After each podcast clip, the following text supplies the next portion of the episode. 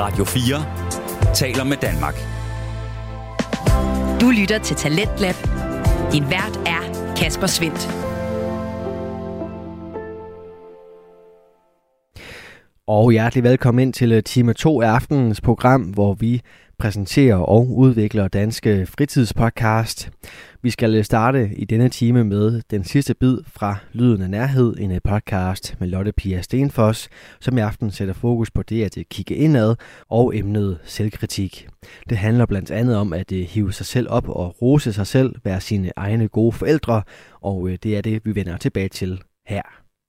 Og efterhånden, som du også bygger mere selvmedfølelse, så vil, det, så vil de stemmer også dukke op automatisk faktisk, og, og tale til dig, ligesom det kritiske kan gøre.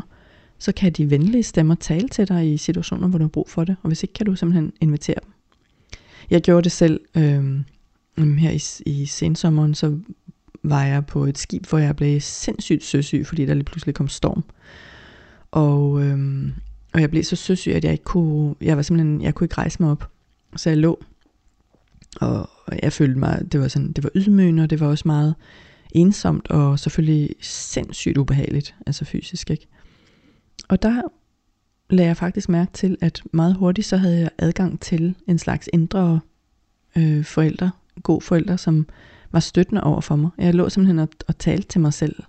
Sådan du ved, øh, du er så sej, og øh, du, jeg passer på dig, eller nej, det føltes ikke helt sandt, det var nok ikke det, jeg sagde. Jeg kan ikke huske, hvad jeg sagde, men det var sådan noget med, at jeg er stolt af dig, jeg synes, du gør det godt, og du gør det helt rigtigt, og du kan, mm, du kan prøve at lægge mærke til din vejrtrækning, og tiden går, og for hver minut, så kommer du nærmere havnen, og altså alle mulige ting. Hvad vil du sige til nogen, der var i en eller anden situation, ikke, også, som var svær? Hvad vil du sige til dem?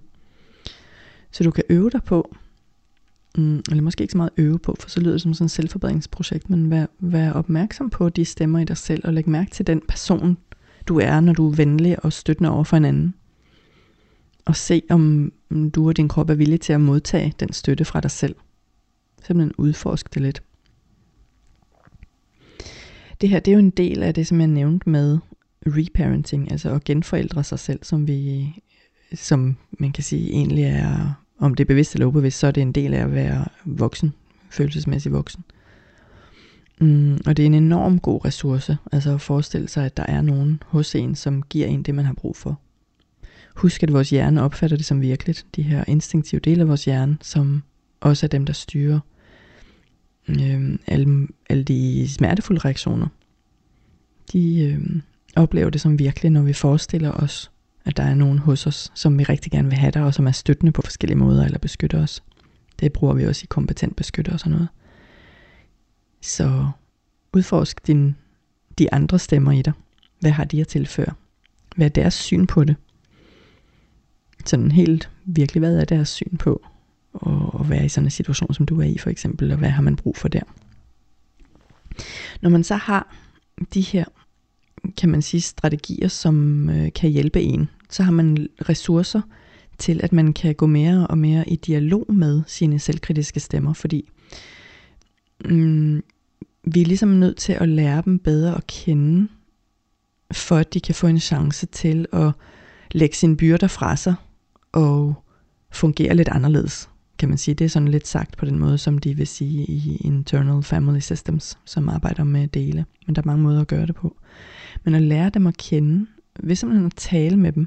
Altså, nogen gør det ved at skrive. Du kan skrive dialogen, og så, så snakker du simpelthen direkte til din egen selvkritiske stemme.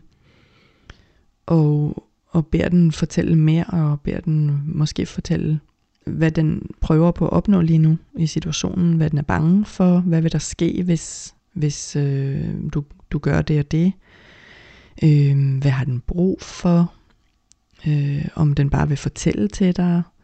Det kan være, at den ikke vil snakke med dig til at begynde med, men du kan, du kan starte med simpelthen at stå i samme rum som den, altså sådan inde i dig i din forestillingsverden, og, og spørge, om det er okay, du er der, og altså, hvad der end melder sig for dig i sådan en dialog, det, jeg kan ikke rigtig give opskriften på det, fordi det betyder simpelthen at gå, gå med det, der dukker op i dig af billeder og, mm, og forestillinger og og spørgsmål og sætninger, at du betragter den her selvkritiske del.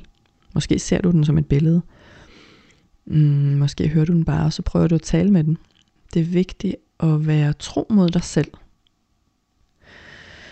Mm, både fordi tillid det bygges simpelthen ved, at man er ægte, og de her indre dele af os, de gennemskuer lynhurtigt, hvis vi prøver at virkelig være søde, uden at det faktisk føles ægte. Så hvis du kan mærke, at du, du er vred på den del, eller du er bange for den, eller du ikke har lyst til at tale med den, så vær ærlig om det. Altså simpelthen på en måde møde op til samtalen, den indre samtale, og så lægge mærke til, at ej, jeg synes, ja, det her gør mig bange, og det gør mig vred. Øhm, jeg er her, fordi jeg har, jeg har brug for at, at vide mere om, hvad der foregår, for eksempel. Ikke? Også det kunne være en sætning. Så når du er ærlig, du prøver ikke at være sådan en eller anden dydsmønster engel, som bare kan rumme alt muligt, for det kan vi ikke, og det skal vi heller ikke. Så vi har på en måde vores indre grænser og behov. Også når vi går i dialog med de her dele af os, fordi de, jo virkelig, de kan jo være virkelig hårde ved os, så det er jo naturligt, at vi faktisk er vrede på dem, eller bange for dem, eller har afsky og så videre. Så det er sådan en balanceret dialog, kan man sige, indre dialog med delene. Men simpelthen begynde at prøve at lære dem lidt bedre at kende, fordi tit så vil det, der viser sig jo være, at, at sådan en selvkritisk stemme har et meget begrænset vokabular. Øh, en af mine, som siger, at jeg er grim, for eksempel, altså den, den vil ikke kunne komme med mange flere svar, når jeg begynder at tale med den om det. Den, den har ligesom kun det lydspor, nærmest, altså du er grim, du er grim. Og så viser det sig så, når, hvis jeg spørger den uden at være alt for vred på den, så den bliver bange, at, at den, den er egentlig bare forvirret og træt og kæmper hårdt for at holde skruen i vandet. Og det den, dens oprindelige funktion måske var, øh, ja nu ved jeg ikke engang, men, men tit er det det, man vil få øje på, er simpelthen en eller anden egenskab ved sig selv, som ikke rigtig får lov til at udfolde sig, fordi den har fået det her svære job med hele tiden at sidde og sige, du er grim. I stedet for. Så hvad er dens oprindelige ønsker? Hvad har den brug for? Det kunne være, øh, hos mig så tror jeg, det er sådan et ret ungt barn, som faktisk har lyst til at få lov at sidde lige så stille og læse en bog, faktisk, eller se noget fjernsyn. Øhm, og være fri for at forholde sig til ting, som er for forvirrende og svære. Eller siden det handler om at være grim, så kan det være, at det handler om at blive afvist. Så det kan være, at den, den virkelig har brug for at være sammen med nogen, der synes, at øh, den er okay, og at jeg er det. Jeg ved ikke, giver det her mening? Det lyder måske som meget sort snak, øhm, men det er altså igen det her, som vi forestiller os, når vi samtidig mærker vores, vores krop og sansninger og følelser. Det har altså den effekt, at det kan gradvis give os andre erfaringer læret i vores fantastiske hjerne med alle dens forbindelser. Mm, det virker simpelthen, man kan sige, at man, man, man installerer nye erfaringer ved at bruge sin forestillingsevne på den her måde. Men uden at man i sådan en eller anden toksisk positivitetsmanifesteringshalløjesa bølge, det var et langt ord, prøver at proppe et eller andet ind, som vi slet ikke tror på. Altså, det, det er ikke det, vi gør. Vi går simpelthen i dialog med de ting, vi føler og mærker i vores krop. Ja, der trækker min krop vejret dybt. Vi går i en, en selvmedfølende og interesseret og respektfuld over for os selv og alle delene dialog med, hvad vi sanser, føler og oplever, sådan at vi faktisk erfarer det at blive set, hørt, støttet, lyttet til, alle mulige gode ting, som vi får af rigtig gode forældre, hvad de så end har for en form. Simpelthen ender reparenting.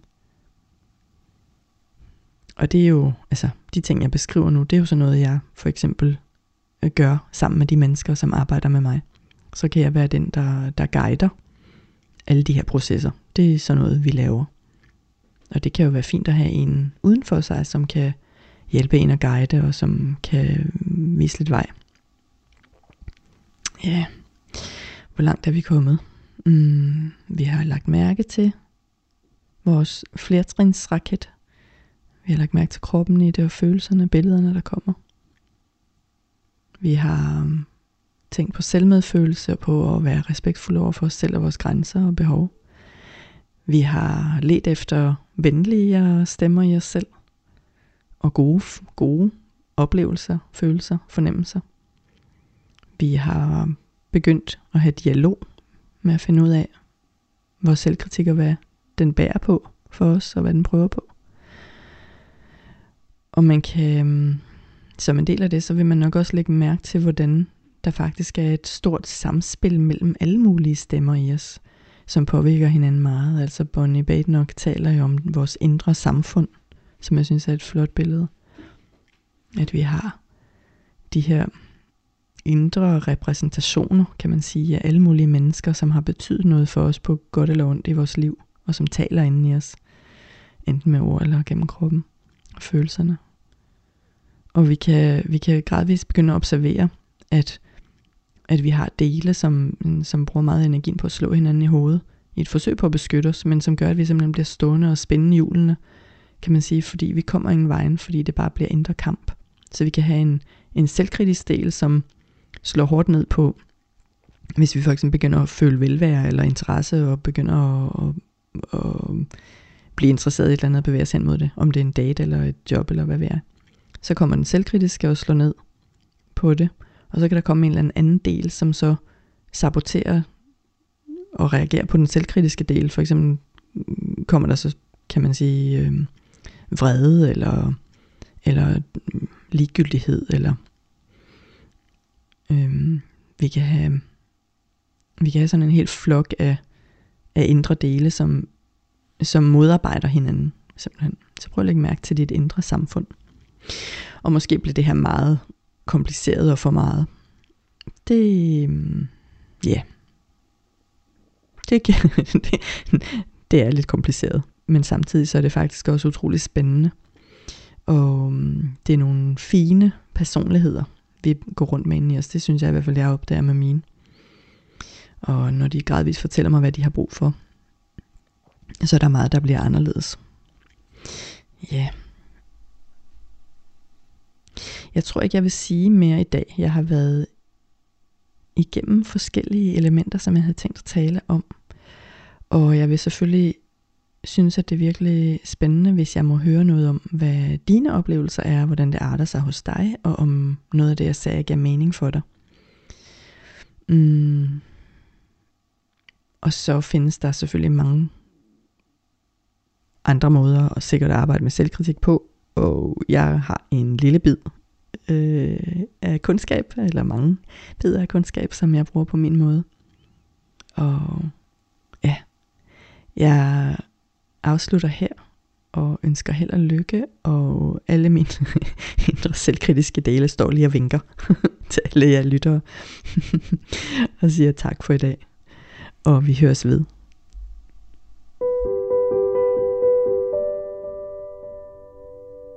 Nu har du lyttet til en episode af Lyden af Nærhed, og du har lyttet til mig, Lotte Pia Stenfors. Hvis du har lyst til at skrive til mig af en eller anden grund, så kan du gøre det på min e-mail, som er lotteps.gmail.com Tak for du lyttede. Hej. Du lytter til Radio 4. Og med denne sidste bid fra Lyden af Nærhed og øh, Verden Lotte Pia Stenfoss, så fik vi rundet af for aftenens første fritidspodcast, som er det, vi præsenterer og udvikler på her i Talents Lab, programmet på Radio 4, der præsenterer nye stemmer, fortællinger og holdninger. De kom denne gang blandt andet fra Lyden af Nærhed, som øh, du kan finde flere episoder fra inde på din foretrukne podcast tjeneste. Og så kan du også følge med inde på det sociale medie Instagram.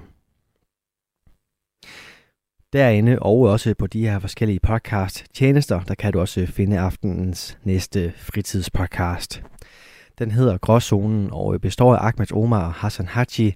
De præsenterer en samtale-podcast, der balancerer imellem underholdning og alvorlige emner, og hvor de to værter de giver plads til at øh, grine og tænke.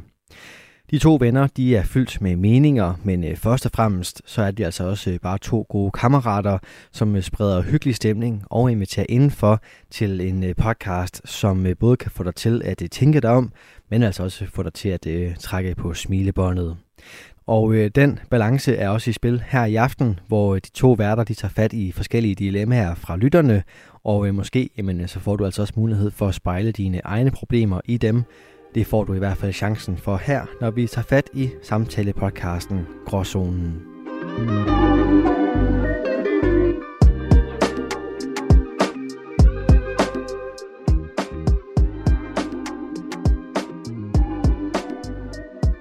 Velkommen tilbage til Gråzonen. Mit navn det er Hassan, og som altid så har vi jo Ahmed os. Vi tager jer ind i zonen, min ven.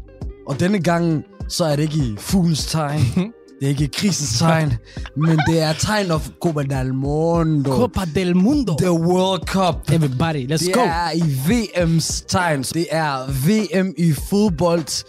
Vi optager på mandag, som så betyder, det er dagen før Danmark spiller. Når I hører det her, så er det dagen efter, eller i hvert fald, afhængig af hvad til, så er det i hvert fald efter. Danmark har spillet, og undskyld til mine tunisiske brødre og søstre derude. 4-0. 4 4 4 4 0 4 0 4 0 Forhåbentlig. Ved du, hvad jeg tænker på, når jeg tænker på VM? Hvad tænker du på, brother? When I get older, I will be stronger. They call me freedom, just like a waving flag. And then it goes back, and then it goes back, and then it goes back. Oh, Hey, wow, selvfølgelig. Wave flag med Kanan. Kane er vores somaliske bror. Brother for Somalia. For VM 2010. Mm. Ved, du, der er mange, der siger, at det er den bedste VM. Men ved du, hvad det handler om? Ja. Det er fordi internettet, det blev taget over af de her, der er start 20'ere, 19 teenager. Ja, Og den første VM, de sådan rigtig husker. det er rigtigt nok. Men Det jeg den- tror også, det har noget at gøre med den der vibe, den afrikanske vibe. Det er første gang, vi har haft det VM på afrikansk kontinent. Jeg tror, alle var bare var sådan, åh, det er Afrika, For fedt. os, men ikke for alle andre. Der er mange, Ja, jeg tror for alle andre. Jeg sagde ikke for vores. Selvfølgelig vi er hype, Hvorfor tror du, at at andre, som ikke er afrikanske, skulle gå op i det? fordi de er spændende. Det er jo nyt. Ja, nej, Det er, bare, det er lidt mere kulturelt Nu- nu spændende reacher end... du, nu reacher sek- Nej, overhovedet ikke. Det er meget mere kulturelt spændende, end hvis vi tager til Japan og Sydkorea. jeg kender rigtig mange, hvor deres bucket list i forhold til hen i verden, nummer et, det er Tokyo. Same. Så ser du allerede imod dig selv jo. Det er jo fordi, ja, ja, det er mig, forstår du. Og jeg har nogle anime... Der er mange, ting. der går op i anime på, og anime, det er noget, de fleste går op i. Ja, men det er ikke alle, der har lyst til at tage til Tokyo. I'm just Jeg kender mange, der helst vil til Tokyo. Jeg ved det godt, du kender, men, men hvor mange af befolkningen sidder og ser anime, bro? Nej, nej, det er bullshit. Der er folk, de siger til mig, du ser hentai. Jeg siger til dem, hør, nej. Ser du hentai? Nej, det er det jo. For dem, der ikke ved, hvad hentai er. Det er sådan noget cartoon porno. anime porno. Nå, det- Præcis. Don't fucking loop that shit in. Det kan godt være. Men hey, det er ikke det, det skal handle om i dag. Det er det ikke. Det skal handle om øh, dilemmaer. Vi har fået en masse øh, lyttere dilemmaer sendt ind. Der var nogle sjove nogen. Jeg synes altid, det er sjovt, når vi får nogen ind. Ja. Folk, det er til højre og venstre, det handler om det ene og det andet. Der er nogen, der er helt dybe, Ja, og så er der nogen, de tager bare pis. ja. Det er jo ikke en ny ting, det her. Brevkasse, dilemma og sådan noget der. De har jo gjort det her lang tid. Hvad, hvad så, hvis det var sådan 1950, og man skulle prøve at skrive sådan noget der?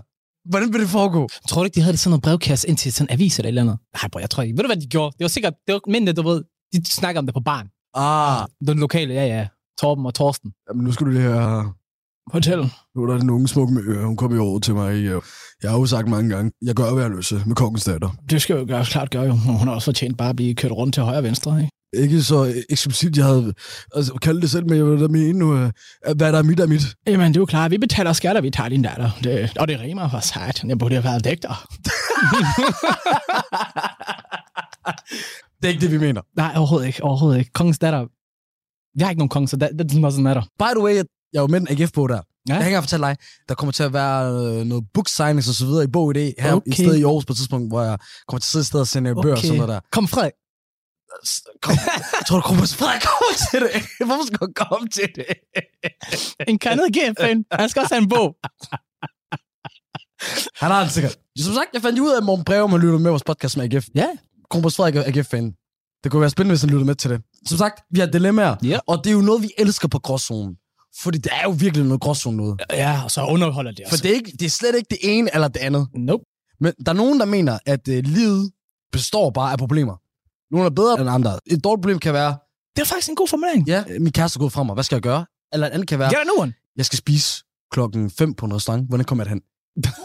Tag bussen. To problemer, forskellige grader. Og så er der dilemmaet, hvor det ikke er så simpelt. that. Jeg tænker, ved du hvad? Livet er simpelt. Go for it. Og der er gråzonerne, og i gråzonen, der finder du Akbar og Hassan. Og der tager vi hen nu. Så lad os tage den første, brother. Okay. Hej Gråzonen. Tak for en rigtig god podcast. Jeg elsker at lytte til jer hver onsdag, når jeg gør mig klar om morgenen. Hvor hun sød. Cutie! Der er mange, der faktisk gør det. Det er en pige-ting. Den er lidt med om, uh, om, om morgenen, morgenen. hvis det gør klar. Jeg føler ikke, at, at drengen shababs. Nej, men det tror jeg også, det er, fordi vi har ikke tid til... Altså, vi har fem minutter, forstår du? Du kan ikke til en podcast. Vi videre til ens øh, dilemma. Ja. Mit dilemma er, at min kæreste og jeg har månedsdag i overmorgen, men jeg ved ikke, om vi skal fejre det. Eller om han overhovedet ved, at det er vores månedsdag. Mm. Til info, så har vi været sammen i to måneder. På første månedsdag gav jeg ham en gave, uden at få en tilbage. Han forklarede, at han var vant til at have en kæreste, og derfor ikke var klar over, at fejre månedsdag var en ting. Dog var han rigtig glad for gaven. Jeg er i tvivl om, jeg skal give ham en gave denne gang. Både fordi han ikke gav en sidst, og fordi jeg ikke er sikker på, om det er noget, han går op i at fejre. Hvad synes I, jeg skal gøre? Den er interesting, jo. Den er interessant. Den er jo svær at forholde sig til. Ja, og så alligevel ikke. Jeg synes faktisk, Nå. den egentlig er meget lige til. Han er ikke vant til at have en kæreste. Det er hun. Og hun kan godt lide det der med en gaveting og så videre. Så synes jeg da helt klart bare, tag en snak omkring det. Hvad er det heller ikke? Jeg kan godt lide at fejre ting, så er det sådan, okay, Nej, Nej, men har du lyst til at fejre? Jamen, to, jo. Det ødelægger da meget ved den gave. Hun skal jo ikke gøre det op til, men bare sådan generelt have en samtale. Hvordan skal vi fejre vores øh, årsdage, Okay. eller alle mulige ting. Men, men det er jo ikke der, Så hun er sæt nu. Nu står hun halvanden dag til. det er Eller rigtigt. to dage til. Der er også det der med, nu har hun givet en gave sidst. Ja. Hvis hun giver en gave igen, Mm. og han ikke giver en gave, Ja. så kan vi også lige pludselig stå i en unødvendig situation. Exactly. Også bare fordi, det synes jeg bare, hvis der skal være nogen, der giver for mange gaver i et forhold, Ja. som mand, så synes jeg, det skal være mand. Okay. I den her situation, så synes jeg, at hun skal ikke give en gave. Og så håbe på, at han giver en gave. Og hvis han ikke giver en gave efter to måneder, Hvis han ikke giver en gave, hvad skal du så gøre tredje gang? det er derfor, de skal snakke om det. Hvad forventer vi? I den her situation, jeg synes ikke, hun skal give nogen gave. Synes jeg bare, hun Du synes ikke, hun skal give nogen Nej, gave? hun har jo givet den først. Jeg tænker, grund til, at hun skriver, det er fordi, at det går måske lidt på. Men så er det da bare ærgerligt at bare sige, at hun skal gøre det. Så kan det også bare ende med, at den bare dør så. Nej, Ja. fordi hvad nu, hvis hun får en gave så? Så har hun givet en og ikke, ikke fået en. Og han har givet en og ikke fået en. Bam. Det kan hun ikke regne med jo. Nej, det er derfor. Men er vi ikke enige om, hvis hun giver begge gange, og hun ikke får noget tilbage, så gør det mere ondt? Ja. Save yourself. Han skal regne ud. Brormand, brother, ven, elsket. Habibi. regn ud, se, der er nogen, der ikke har så god intuition, hvor man. Hvis hun har givet den en første gang, Ja. jeg kan høre, at de har haft en samtale omkring det, fordi hun nævnte det der med, Ja, at han ikke vidste han vidste det ikke, og Ja. så fandt han så ud af det. Så de har snakket om det. He should know. Lad mig aftale det. Men lad en aftale jo. Nej, men der er vi tilbage til det der, jeg kender fra dig. Man behøver ikke at skære alt ud i pap. Man må gerne tænke selv. Mænd og kvinder. Nogle gange, vi snakker øst og vest. Ja, ja, bro. Der er også den her ting i det, at nogle gange så kan kvinder kræve, at man lidt for meget skal lave tankelæsning, som vi kan. Det er ikke den situation, vi er i lige nu. Nogle gange, så må man også gerne tænke selv. For du skal også tænke på, det romantiske overraskelsesmomentet, den gode følelse, du får for gaven, dør jo virkelig, hvis du nærmest skal fortælle ham, hey, vi skal gøre det her, og han ikke gør det af eget initiativ. Det handler om at tage initiativ nogle gange. Der har du helt klart en pointe i. Og det er mangel på at tage initiativ. Ved- Ved ikke at bare tænke, okay, ved du hvad? Det kan godt være, at jeg er i tvivl stadigvæk. Lad os nu sige, at han er det. Jeg er i tvivl. Men hey, Ja. nu giver jeg fandme en gave. Så det kan fandme ikke passe, at hun bliver nødt til at skal ud i pap. Tænk over det, bror. Det er der heller ikke nogen, der gider at gøre. Men det er heller ikke fedt at sige til nogen, hey, jeg vil faktisk gerne tænke mig en gave. Du, ved du vil blive glad for en gave, men du vil aldrig bede nogen om en gave. Nej, jeg forstår godt, hvad du mener. Men jeg vil bare lige komme med et twist til det, fordi det er rigtigt nok det man, at man bliver ikke glad for en gave, man har bedt om, men jeg kan forstå ham her drengen her. Han ved ikke, at du ved, det betyder meget for hende. Og han er sikkert sådan en type mand, du ved, en gave om året. Så den. Og hvis hun har en forventning om en gave hver måned, så tror jeg helt klart, at de skal forventninger afstemme. Ellers så kommer hun til at være ked af det rigtig mange gange, eller skuffet rigtig mange gange. Det er derfor. Lad os håbe, at han ikke er ligesom dig, fordi min, min dæmmer her. Øh, jeg har jo fødselsdag i dag. Det har du. Congratulations, jeg har sagt tillykke bare. Bare lige, nu ser vi ikke lige igen. Ja, Tillykke. Flot. Han har sagt tillykke, men hvor er min gave henne, Hassan? Hvor var min gave? Din gave. Ja, Og der er fødselsdag. jeg havde først. Ej, du ved, jeg laver sjov. jeg ved det godt. Jeg skal tage fødselsdag. Men du har jo ikke, vi var ikke sammen. Du fejrede det heller ikke. Nej, exactly. Fejre- Har du tænkt dig at fejre det? Du vidste godt, vi skulle være sammen med dig. Det værste, vi snakker faktisk om at holde en fødselsdagsfest sammen. Det droppede vi ret hurtigt, for det gad jeg ikke. Det gad du faktisk heller ikke. Måske gad du godt, jeg ved det. Nej, men du, det, vi skal ikke stå for at planlægge det. Nej, det er det. Jeg får aldrig nogle første sang, eller hvad? I dag... Hvad fanden vil du have? Giv mig på arabisk. Nå, jamen, de to danske, jeg kan ikke den på, Jo, du kan godt, hvis du tænker over det. på arabisk. Sen, uh... Somalisk. Jeg tror ikke, de har en, bror. Sana hilwa ya kamil. Er det ikke? Don't even ask me. jeg ved ikke, jeg laver sjov første sang. Uh, men til vores uh, søde, dejlige lytter her. Kom med en gave. Forstår du? Det er en fin ting. Du går op i det, kan jeg høre. Han var ikke imod det, som decideret første gang. Og, og han skal tænke selv nu. Forstår du? Ja, Hvad siger du? lad være med at give ham en gave. Lad være med at give ham en gave. ham, snak med ham om det. Snak med ham om det. Yes. Yes. Wow. Yes. Wow. På Ahmed siger, giv en gave, For that motherfucker should have regnet ud nu. Eller, Jeg siger, at du skal lade være med at give en gave, og så snakke med ham om det. Don't get disappointed. Okay. det her det er en, en hurtig en. Det er en, der skriver, jeg har startet en forretning, men er usikker på, om det bliver en succes. Hvor lang tid skal jeg give? okay. Altså, man kan jo sige, vi tror vi jo aldrig kan lære en, en forretning, det vi laver her. Men det er jo i sidste ende øh, noget, vi laver, som vi tjener penge på, og så videre. Så vi kan godt relatere lidt til det. Det kan jeg godt. Først og fremmest vil jeg sige, man kan aldrig sætte tid på det. Ej, hvis der er gået 10 år, der ikke er sket noget, selvfølgelig. Jo, selvfølgelig, selvfølgelig. Ja. Hvad er målet også? Ja. Fordi hvis din forretning nu er, er en øh, café, som du altid har drømt om, Mm. og den giver dig glæde, Ja. så skal du jo bare blive ved, indtil det ikke gør dig glad længere. Jeg tror også, i starten, det er da helt klart det sværeste, det der med at komme i gang og skaffe kunder og få omsætning ind i butikken. Og det handler bare om at klø på. Så hvis du har været i gang i kort tid, bare klø på, klø på. Har du været i gang i lang tid, bare klø på, hvis du stadig tror på det. Men så vil jeg også sige, desværre, når jeg hører sådan noget der, at ofte, når jeg får det her spørgsmål fra andre, Ja. men så så tidligt i processen spørger om, hvordan skal jeg blive ved? Så virker du ikke til, at han har hele hjertet med i det. Nej, det og jeg er aldrig fan i, at man laver sådan noget der. halvhjertet. Fordi hvis du er selvstændig, og du har en virksomhed, det er 60-70 timers arbejdsuger, øh, altså, Det er det hele, ja. og det er kun noget, der kommer, synes jeg selv, når du brænder for det. Exactly. Og så bliver det heller ikke set som arbejde og så. Så hvis du, ja, hvis du allerede har det sådan nu, eller spørg ind til det nu, Mm. det kan godt være, at jeg tager fejl, men så prøv at overveje måske. Jamen, det er det. Jeg tror helt klart, du har ret i det der, men man skal gøre op med sig selv. Er det her virkelig noget, jeg gider bruge tid på? Er det noget, jeg tror på? Ja. Hvis ikke jeg, drop det. Det skal, det skal også bare være mere end tro på. Selvfølgelig tro på er en meget vigtig del. Jeg føler, du skal også brænde for det. Det skal man også helt klart. Så skud til dig, bror man. Held og lykke, inshallah khair. Skal nok ramme. Men hvad er så svaret? Det er det. For dig først og fremmest. Jamen, det er jo som... Der er mange til ubekendte. Hvis du tror på det, og brænder for det, jamen så giv det alt, hvad du har. Og så, hvis det ikke kommer nogen vegne, og der ikke sker noget, Hvad med tidsmæssigt? det tror jeg nok selv, han godt ved. Så om, jeg ved ikke, om det skal tage et år. Det kommer også an på, hvilken type forretning det er. Det er svært at sætte tid på. En år kan også, altså det behøver ikke være et år jo. Nej, to år er også nej, men, nej, man kan ikke sige det. Altså, det er jo noget andet, når man sælger en vare. Hvis du, hvis du, hvis du ikke har solgt noget efter et år, så, så drop det. Ja, medmindre du gerne vil udvikle det. Eller ændre et eller andet markant. Ja, uh, og netværking, helt klart. Gå, gå til alle mulige forskellige netværk. Snak med forskellige folk i brancherne. Øh, det er altid godt. Få inspiration. Whatever det nu skulle være. Øhm, ellers så ved man jo heller ikke, hvor man går galt i byen. Så det, det er ikke et tidsspørgsmål. Nej. Det er, hvor meget øh, du brænder for dig, så skal du nok kunne mærke ind. øh, Præcis. Men oftest, så er det vigtigste råd, vi har til alt, når du laver sådan noget, det er at blive ved. 100 procent. 100 procent. Og 100 og også, også være ærlig over for dig selv. Tur at være ærlig over for dig selv. Og så acceptere, hvis du kommer frem til en konklusion, som du ikke kan lide. Yeah! Let's say that. Amen, brother. Alright. Det næste di- dilemma.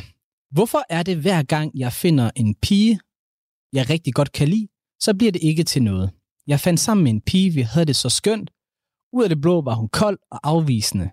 Når jeg så hygger mig med piger, der ikke siger mig så meget, så går de altid all in. Og efter få uger fortæller mig- de mig, hvor forelskede de er, og om jeg kan se mig sammen i et forhold, og hvad fremtidsperspektiverne de skal være. Jeg føler altid, at jeg skal være skurken, eller blive såret. Jeg føler aldrig rigtigt, at jeg kan ramme middelvejen og være lykkelig. Hvad skal jeg gøre? Så det starter jo så med, at han har et problem med, at piger, de lægger for meget i det. det når han har noget med piger. Ja. ja, og så når han godt kan lide dem, jamen så bliver det ikke til noget. Okay. Ja. Meget klassisk. Jamen, det er bare klassisk, at det er sådan en generelt ting jo. Man vil gerne have det, man ikke kan få, Yes, og man værdsætter ikke det, der er lige foran ens næs. det er rigtigt. Jamen, det er jo selvfølgelig noget, der minder mig om i mit tidligere liv. Jeg, har det jo været mange øh, fløs i, igennem øh, et langt øh, liv som mit, og, og igennem det, så er der hjertet, der er blevet knust, og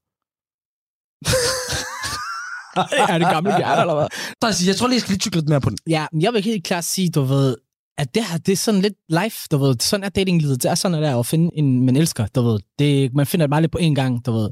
Eller de fleste finder den på første hug. Så lær fra det, øh, hver gang du har været sammen med en.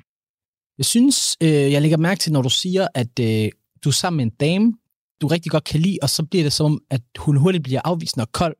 Så der må være på et eller andet tidspunkt noget, der går galt der. Øh, I don't know about, hvad, hvad du tænker omkring det, fordi oftest så plejer det at være sådan noget, man måske har givet for meget af sig selv i starten, for hurtigt. Forstår du, hvad jeg mener? Ja. Så måske han skal prøve at være lidt mere stille og rolig, når det er piger, han godt kan lide. Tænker jeg lidt. Måske han var ham, der har været for hurtigt på den også. Jeg vil faktisk sige, det er direkte modsat, hvor du sagde der. Han har, Øh, Du tror ikke, han har givet nok? han har givet, han har givet, han, der er ikke, noget, ikke nok. Han har ikke givet så meget af sig selv. Mm. Og det er ofte det, der, der, kan, der kan tiltrække piger, der kan s- gøre dem helt væk i en fyr, de giver dem ansigt, Mm. og at de virker lidt mystiske, og, og på den måde spændende. Det kan jeg godt se, hvad du mener. Ofte så er det, hvis man giver for meget, det kan have den omvendte effekt af, hvad man tror hos piger. Uh, og det er, hey, my, my girls, my women, females, I love you. Men uh, meget af jeres problem, og den går direkte til jer. Lad mig kigge på en af kameraerne. Dem, der lytter med, de kan ikke se det, men jeg kigger meget seriøst. De af jer, og desværre mange af jer, har jo et problem med, at nogle gange skal I blive behandlet lidt dårligt. det er, når man ikke giver så meget opmærksomhed, at det oftest gør, at man falder helt pedask med en. Hvor i jeg kan sagtens forestille mig her, ja. at dem han så faktisk godt kan lide, Ja. den giver han den opmærksomhed til. Mm. Men det bliver, Too much? det kan blive for meget. Altså, det er fucking så balance. Det er det. Det er svært en balance. Nogle gange så giver man for meget, så ah, det, man skal have lidt mere slag, eller du skal være lidt mere afvisende, eller du skal være lidt mere... Jeg tror også, piger også godt kan lide det der med nogle gange, så skal de også selv kæmpe for det. Ja. I stedet for at få Det det, er helt også serveret. modnet spørgsmål, jo. Ja. True. Fordi uh, når du kommer op med alderen, så er piger ikke sådan længere. Så skal de have mere. Så er der selvfølgelig modspil, det er en anden ting. Men at de gerne vil have, du ved, de vil gerne blive behandlet ordentligt. De vil gerne føle, de sig værdsat og elsket og sat op på en pedestal. Ja, og jeg tror ikke, det er fordi, at det der med, at jeg synes det andet, som jeg lige sagde, det der med ikke så meget opmærksomhed, lidt lukket, det synes de stadigvæk er spændende, men erfaring har fortalt dem, det kan, det kan være toxic. Ja, Og det er oftest the player's trade. exactly. Det er dem, der ved, hvordan man skal navigere lige præcis den der balance. Forstår du? Det er nu har det hey. når man laver den der bevidst er lidt kold, er lidt ignorerende, bla bla, typisk player, og desværre for jer piger, og, og de søde drenge, der er derude, så virker det. Det gør det. Den anden side af hans problem, det er jo også, at så når han så finder piger, og han har noget med, men han så siger også, at det er meget mere hygge, så føler han, at de går for meget all in. Så tænker jeg bare, der så lad være med at finde piger, du hygger med. Altså, jeg går ud fra, at han mener, at han dem. Jo, det er også det. Men hey, hey, if you're about that whole life, brother, Clearly, altså, der, der er nogle prioriteter, der skal fyres af. Men Sarah, så skal han også lade mig, øh, hvad hedder det, øh, jeg vil lige vil sige, så fortjener han det nok også. Præcis. Altså, God pointe. du, du, Hey. du ved, de har også fortjent det, du ved. De kan jo godt lide dig jo. They deserve happiness. Altså, den er svær, Wallah. Mm-hmm. Hvad vil du sige til ham? jeg vil sige, som lige blev enige om lige før, lad være med at hygge dig med, med piger, bare for at hygge dig med dem, og så bare fortsæt igen. Prøv igen. Giv, hvad du har. Og ved du hvad, på et tidspunkt, så møder du en pige, der værdsætter for, for det, du giver hende. Men hvis du ikke giver nok af dig selv, så skal du måske prøve på at åbne dig lidt mere op. Men hvis det ikke fungerer, hey, maybe you belong to the streets. Exactly. And sometimes the streets might be cold, Ja, but they can be giving. exactly. Either uh, choose, choose the husband life. I'm Ja. a husband boy. Eller, eller the streets. Alright, jamen ved du hvad? Bro, men jeg tror ham her, han, han er ikke the streets guy. Jeg tror, han er en sød fyr. Ja. Der er bare forvirret. Du har det arbejde med. Hvis det går godt nok, og til til Hassan. Ja, Jeg skal nok uh, lade være med at hjælpe dig. Du lytter til Talentlab på Radio 4. Vi er i gang med aftenens andet podcast afsnit her i Talents Lab. Det er programmet på Radio 4, der giver dig mulighed for at høre nogle af Danmarks bedste fritidspodcast. Mit navn er Kasper Svens, og i, denne time der har jeg fornøjelsen at give dig et afsnit fra Gråzonen, en øh, samtale-podcast med Ahmed Omar og Hassan Haji, som i aftenens afsnit tager fat i forskellige dilemmaer fra deres lyttere. Og øh, vi vender her tilbage til øh, afsnittet, hvor vi skal have fat i et nyt af slagsen. Alright. Hej Ahmed og Hassan. Jeg har et problem med, at jeg ikke kan komme ud af mine dårlige vaner, mm. og jeg sidder fast i livet. Mm-hmm. Det er de samme mennesker, jeg møder, og samme veninder, jeg hænger med. Jeg har svært ved at stå op, og har generelt ikke mange ting, jeg glæder mig til. Jeg har drømt om at tage en uddannelse som psykolog. Jeg ved, jeg har lang vej, men jeg føler ikke, det er noget, jeg kan kunne opnå, eller jeg kommer til at opnå. Min familie er også meget bekymret, men jeg ved ikke helt, hvordan jeg skal snakke med dem om det, da jeg ved, at de ikke forstår mig. De vil hele tiden snakke med mig, men jeg afviser dem hele tiden. Det frustrerer mig rigtig meget. Hvad skal jeg gøre? Så den her, jeg godt se. Been there, done that. Okay, så det er ikke øh, kærligheds... Det er ikke så meget kærlighed, nej. Hun kom sådan, I got 99 problems, but, a bitch, ain't one. Eller hoe ass nigga ain't one. Og problemet er, at hun, skal prøve, at hun føler, at uh, intet fungerer, og det hun allermest vil, som er læse psykolog, Mhm. Det er også en function. Mm. Og fremmest det det lyder som en ung menneske. Det er helt klart et unge menneske. Og det er meget normalt, det her. Yep. We've been there, nigga. Yes. We done that. Og det er jo fordi, vi lever i et samfund først og fremmest, der kræver, at man som unge mennesker skal tage nogle hårde valg. Nogle valg, der på en eller anden måde skal determinere resten af ens fremtid. Og Hvis du trækker forkert, så ved du godt, så ender du i skærsilden. Og hvis du rammer rigtigt, så ender du op i Guds himmel. Ja, og herinde kan vi jo skære siden for gråzonen jo også på mange forskellige måder. Det er vist rigtigt. Det første, jeg helt klart vil sige til hende her, det er, du ved, okay, hvis du føler, at du har dårlige vaner. Det der med at dårlige vaner, det er jo altid det der med, det er sådan et, et safe space. Man er altid tryg ved sine dårlige Mhm. vaner. Ligesom hun også siger, hun hænger med de samme veninder hele tiden. Skulle måske overveje, Comfort zone, som vi Exactly. snakker om i sidste afsnit. så skal hun overveje, er det her rent faktisk mine rigtige venner? Altså, er de, gør- de godt for mig? Gavner de for mig? Mm-hmm. I Mhm. forhold til, hvad jeg gerne vil opnå? Mm. Det er den første ting, jeg tænker, man lige skal have fået styr på. den er rigtig god. At jeg, jeg føler også, at øh, det punkt i mit liv, hvor jeg, jeg, jeg begyndte at, hvor ting begynder at flaske og sådan noget, det, det har også noget at gøre med, hvem man så omringer sig med. Yes. For det tilbage Præcis. til, hvor vi always ser her på gråzonen, ligesom mine venner. Så fortæl, hvem du er. Ja. Og øhm, det gør virkelig meget i forhold til måde, du tænker på, dine vaner, hvad du laver. Du ved, det bliver bare inspireret af dine venner. Præcis. Du, og du kopierer nogle af nogle af vanerne. Jeg havde en gruppe venner, jeg var sammen med. De var tightere med hinanden, end jeg var med dem. De var også mere religiøse og sådan noget. Mm. Altså muslimer. Den ene blev gift. Mm. Så røg de to-tre andre også med meget Ja, hurtigt. ja, lige præcis. Øh, det samme fungerer også med piger. De kan være singler sammen, lige så snart der er nogen, der få kærester. Du ved, Everybody, everybody. det er et eksempel for, at det er taget lidt ud af alt det her kærlighed, noget, vi har siddet og snakket om. Mm. Gør det. Og så, så, så vil jeg sige, man kan meget mere, Mm-hmm. mm. end man selv tror. Præcis. Jeg er ikke i tvivl om 100%, hun kan opnå at blive psykolog. 100%. Sagtens. Det er ikke i tvivl sekund i tvivl om. Det er kliché, men hvor der er vilje, er der vej. Jeg ved det godt. Og de klichéer nogle gange øh, til i verden, fordi de er de største sandheder. Ja. Men det er også det der med, jeg så faktisk en øh, sådan dude, der hedder Andrew Huberman, øh, sådan, han har sådan en podcast, hvor han snakker nemlig om det der med, der er mange metoder til, om du skal gøre sådan her, sådan her, men, det, men han siger lige meget, hvilken metode du bruger, der findes ikke nogen, der er bedre end andre. Han siger, det kommer indenfra. Så snart du har afgjort med dig selv, at du vil ændre noget, ja. Så kommer det, men ikke før. Lige præcis.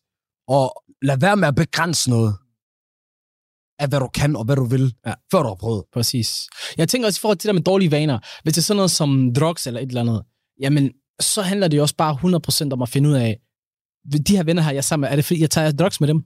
Cut it off. Det vil sige, der er vi snakker. Jeg synes, det er hårdt, hvis du kun... Ej, den er svær. Den er 50-50 for mig. Det er en gråzone. Fordi det handler også om graden. Og om det er de eneste. Hvis det er det eneste, de laver, så er der måske en pointe. Altså, jeg, jeg kan jo godt have nogle venner, der, der laver meget af noget. Tager meget af noget. Så er der nogen, der man bliver nødt til at korte af. Og så er der også bare andre, hvor måske du bare skal skrue ned for det. Ja. At hænge ud med dem. At hvis det er udelukkende derfor, at du korter dem af. Jeg kan godt forstå det, men nogle gange kan det også bare være fint at skrue ned af. Ja, men det, for så kan man altid hele tiden falde tilbage.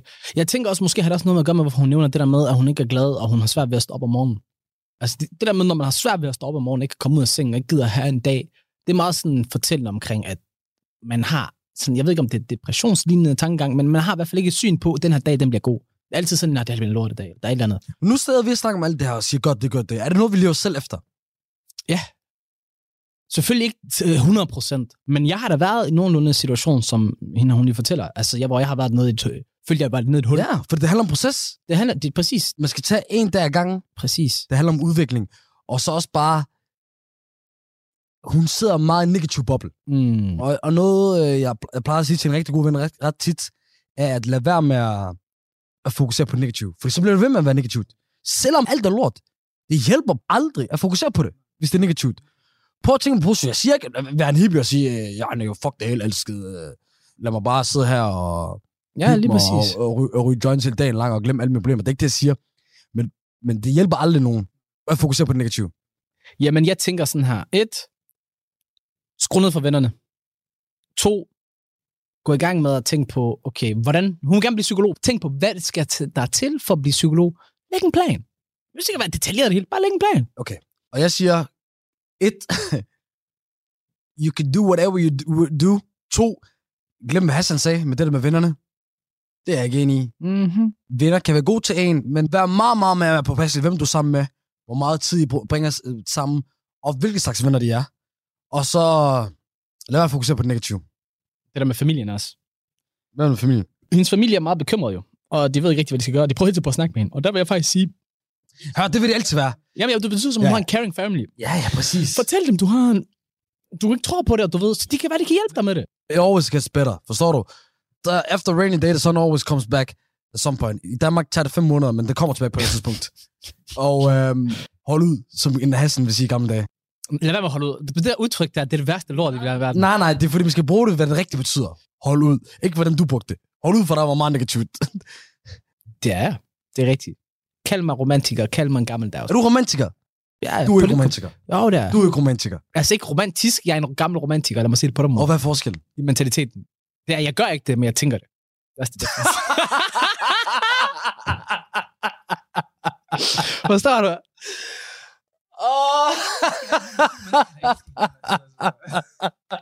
der er mange dumbass niggas, der sidder derude, og så har lyst til at skrive til deres kæreste, Hey, det er ligesom mig, jeg er også.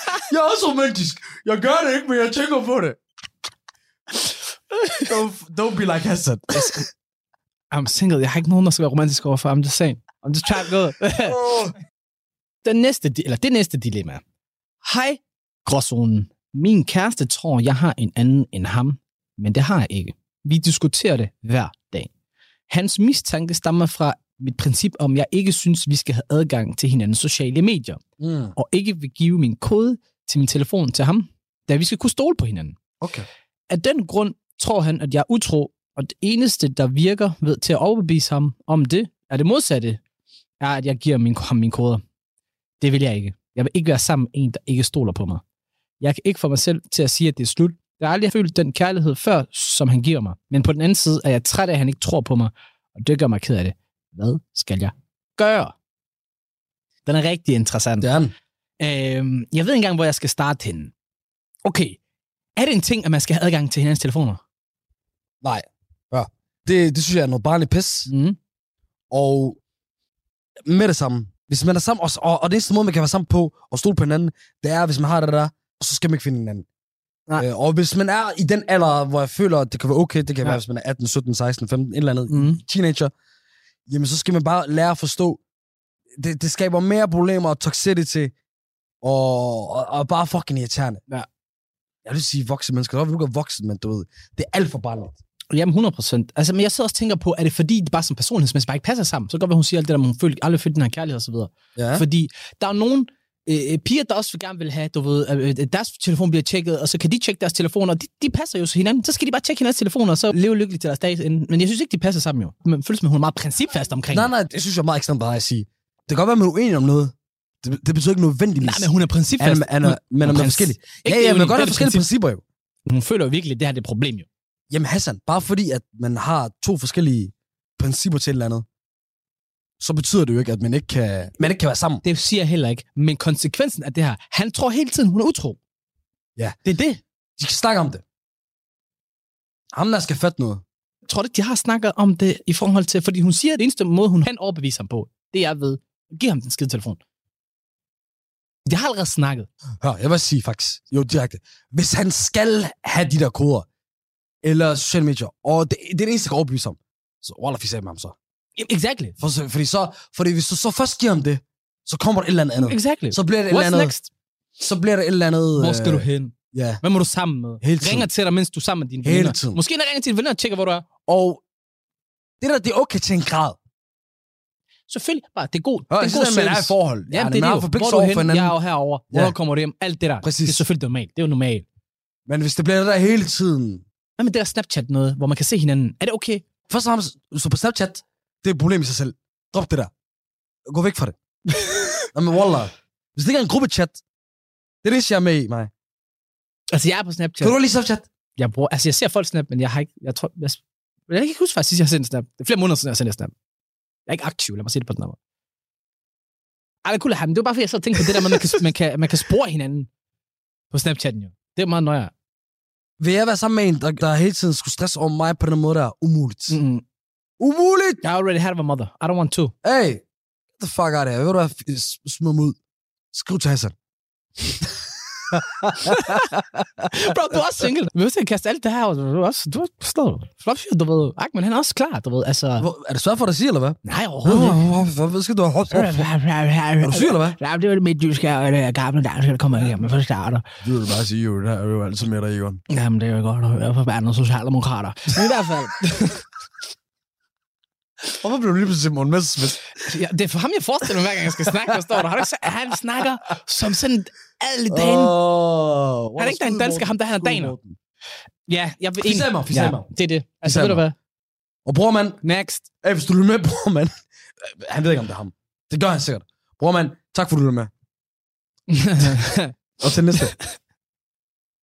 Og der skulle til at sige noget haram der. Det næste dilemma. Kære gråzonen, er det okay at date flere på én gang i håbet om at finde den rette? Er det ikke bare et hurtigt svar? At date flere. På én gang Ja. i håbet om at finde den rette. Det er jo bare dates jo. Nå. Der er ikke noget Gør, commitment. hvor du lyst til, elsker. Exactly. Gør, hvor lyst Go for it. Det kan jeg ikke sige, jo, for det gør jeg ikke engang. Mig, hvis jeg snakker med en, så snakker jeg med en. Men det er jo det jo. Også fordi jeg har ikke energi til andet. Men jeg vil ikke dømme med en person, hvis han er typen, der godt kan gøre det. Så siger det en han. Det Eller en hun. Det ved jeg ikke. kan godt være, det er hun. Ja, jeg tror faktisk også, det er en hun. Kære dreng. Kære dreng er en... Jeg tror ikke, det er piger, der vil sige det. I don't know. Man kan godt sige det, ja. Jeg vil ikke dømme det. Ikke hvis det var i dating-stadiet, så vil jeg ikke dømme det. Men Jeg, jeg vil ikke selv gøre det, som sagt også. I ain't Mhm. got energy for that shit. Mhm. Så snart I begynder at ja, commit over for hinanden, så er det der, man dropper med at kigge andre steder. Do your thing. Det er ting. Do you think 21? Do you think? Do you think 21? Don't be a hoe. Men et date, altså nu går jeg ud fra, det er date. Det er ikke engang hoeing, det er bare dating. Alle gør det, Walla. Jeg kan, ikke- jeg kan ikke spille det. Do your thing. Exactly. Alright, næste dilemma. Kære drenge, jeg har en kæreste igennem lang tid, som jeg elsker meget højt. Men det, der er sket, det er, at jeg er blevet helt skudt i en pige fra mit arbejde. Vi er begyndt at ses, men hun ved ikke, at jeg har en kæreste. Problemet er, at jeg ikke ved, hvem jeg vil have. Min kæreste er skøn, hun kan være kedelig, og hun har hele tiden været sammen med mig, og jeg føler mig lidt presset. Til min kærestes forsvar, så har hun haft depression, og hendes familie er i opløsning. Jeg har sgu brugt meget tid på at støtte hende, og der er bare lang tid imellem de tidspunkter, hvor vi har det sjovt. Den nye pige er bange for bare en fase, og jeg ved ikke, om jeg vil kunne lide hende om 6 måneder. Hun har dog alt, hvad jeg har brug for lige nu, og vi har det så godt sammen, men jeg har svært ved at nyde det, og jeg kan ikke rigtig fortsætte sådan her, fortsætte sådan her, fordi jeg er hele tiden paranoia. Du har fortjent din paranoia, Habibi. Lad mig sige det sådan her. Sidde og have en kæreste igennem så lang tid, og så sidde og starte noget op med en ny en, og hun ved det heller ikke. Så har du, altså det er jo, det er jo selv, det, man kalder selvforskyldt smerte. Nej, jeg synes faktisk, det er det er mest gråzone. Okay. Fordi Enlighten me. han får ikke nok for sin kæreste. Han synes, det er kedeligt. Han synes, der, det, det, der er meget noget negativt. Associeret, kan jeg mærke, Ja. når han er sammen med sin one and only. Um, han holder ud, Mm, jamen, det gør han, det kan man godt mærke. men problemet er så dog, at det er fordi, at hun er nede, Yes. og hun har brug for ham. Yes. Og hey, det er der, man bliver fanget i. Man skal ikke stikke af, yani, when the times gets tough. Men det har han jo tydeligvis gjort. Ikke helt. Og så jo. Altså, han har jo han har ikke gjort det 100% endnu jo. Han Nej. Kan, han kan, det lyder til, at han stadig kan nå at redde det. jeg, ved, jeg kan bare ikke se, hvordan skal han redde det, fordi han har har han allerede... mindre pin endnu. Altså, den måde, den forkl- forklarer det på, det lyder meget. Altså, han, når han siger, hun har dog alt, hvad jeg har brug for lige nu, og vi har det så godt sammen. Men han har ses lidt med hende. Der er han. Lad os kalde det en gråzone. Hvis han har ses med hende, men ikke har gjort noget. For det, jeg, jeg, jeg kan godt se, hvis folk kalder det øh, utroskab. Det kan jo allerede godt utroskab.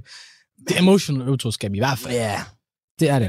Det kan tilgives, det kan, det kan reddes. Jeg sidder bare og tænker, okay, du har en kæreste, og den, hun, er, hun har det rigtig skidt lige nu, og du har svært ved at være der for hende, og kunne give hende det, hun har brug for, uden at det trækker dig selv ned.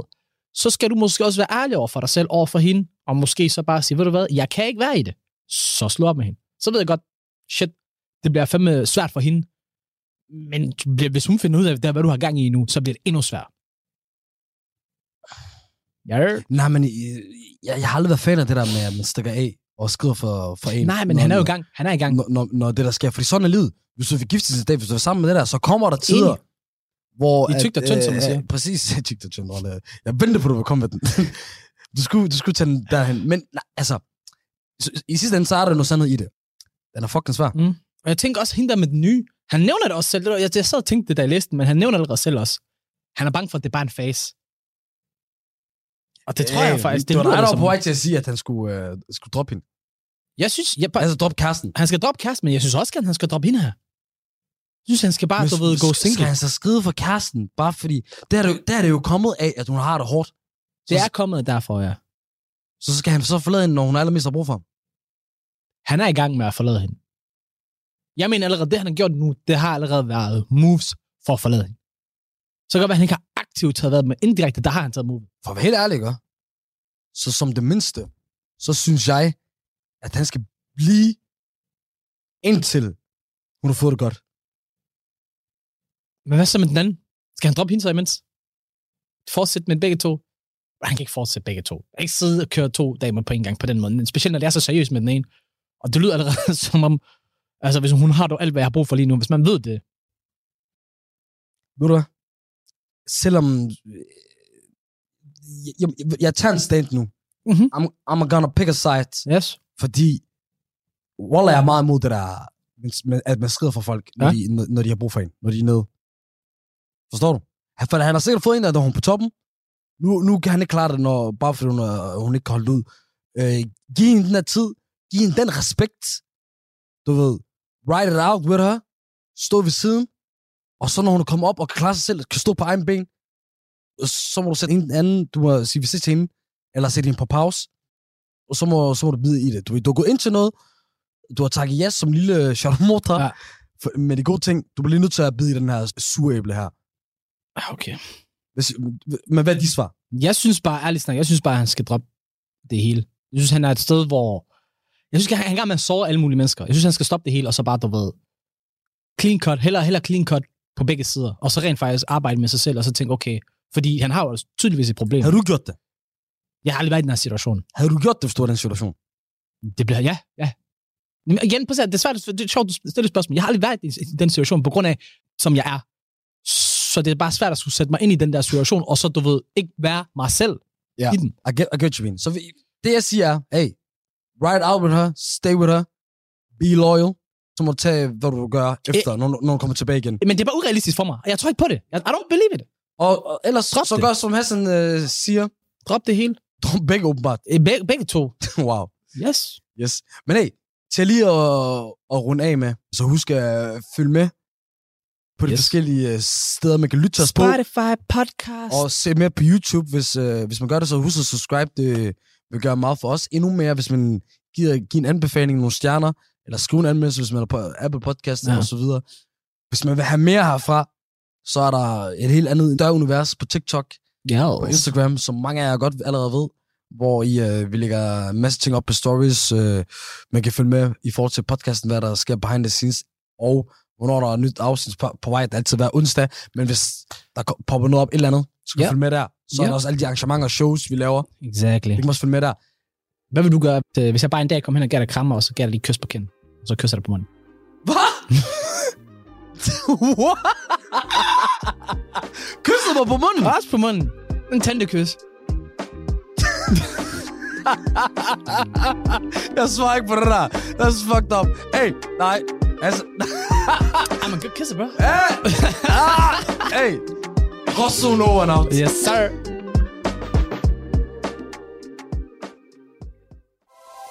Radio 4 taler med Danmark. Og øh, således så bliver vi altså spillet ud af Gråzonen, en øh, samtale-podcast med Ahmed Omar Hassan Haji, som øh, du kan finde flere episoder fra inde på din foretrukne podcast tjeneste. Det kan du også med aftenens første fritidspodcast, der hed Lydende Nærhed, og øh, den har verden Lotte Pia Stenfoss. Og det udgjorde altså aftenens Talents Lab, programmet her på Radio 4, som præsenterer og udvikler danske fritidspodcast. Du kan finde alle vores udsendelser inde på radio4.dk og i vores Radio 4-app. Begge steder der kan du også høre med direkte, hvilket du bare skal gøre nu, for det er tid til nattevagten. Mit navn er Kasper Svens, og øh, det var det, jeg havde på menuen for i aften. Tilbage for mig er blot at sige tak for denne gang, god fornøjelse og forhåbentlig også på genlyt.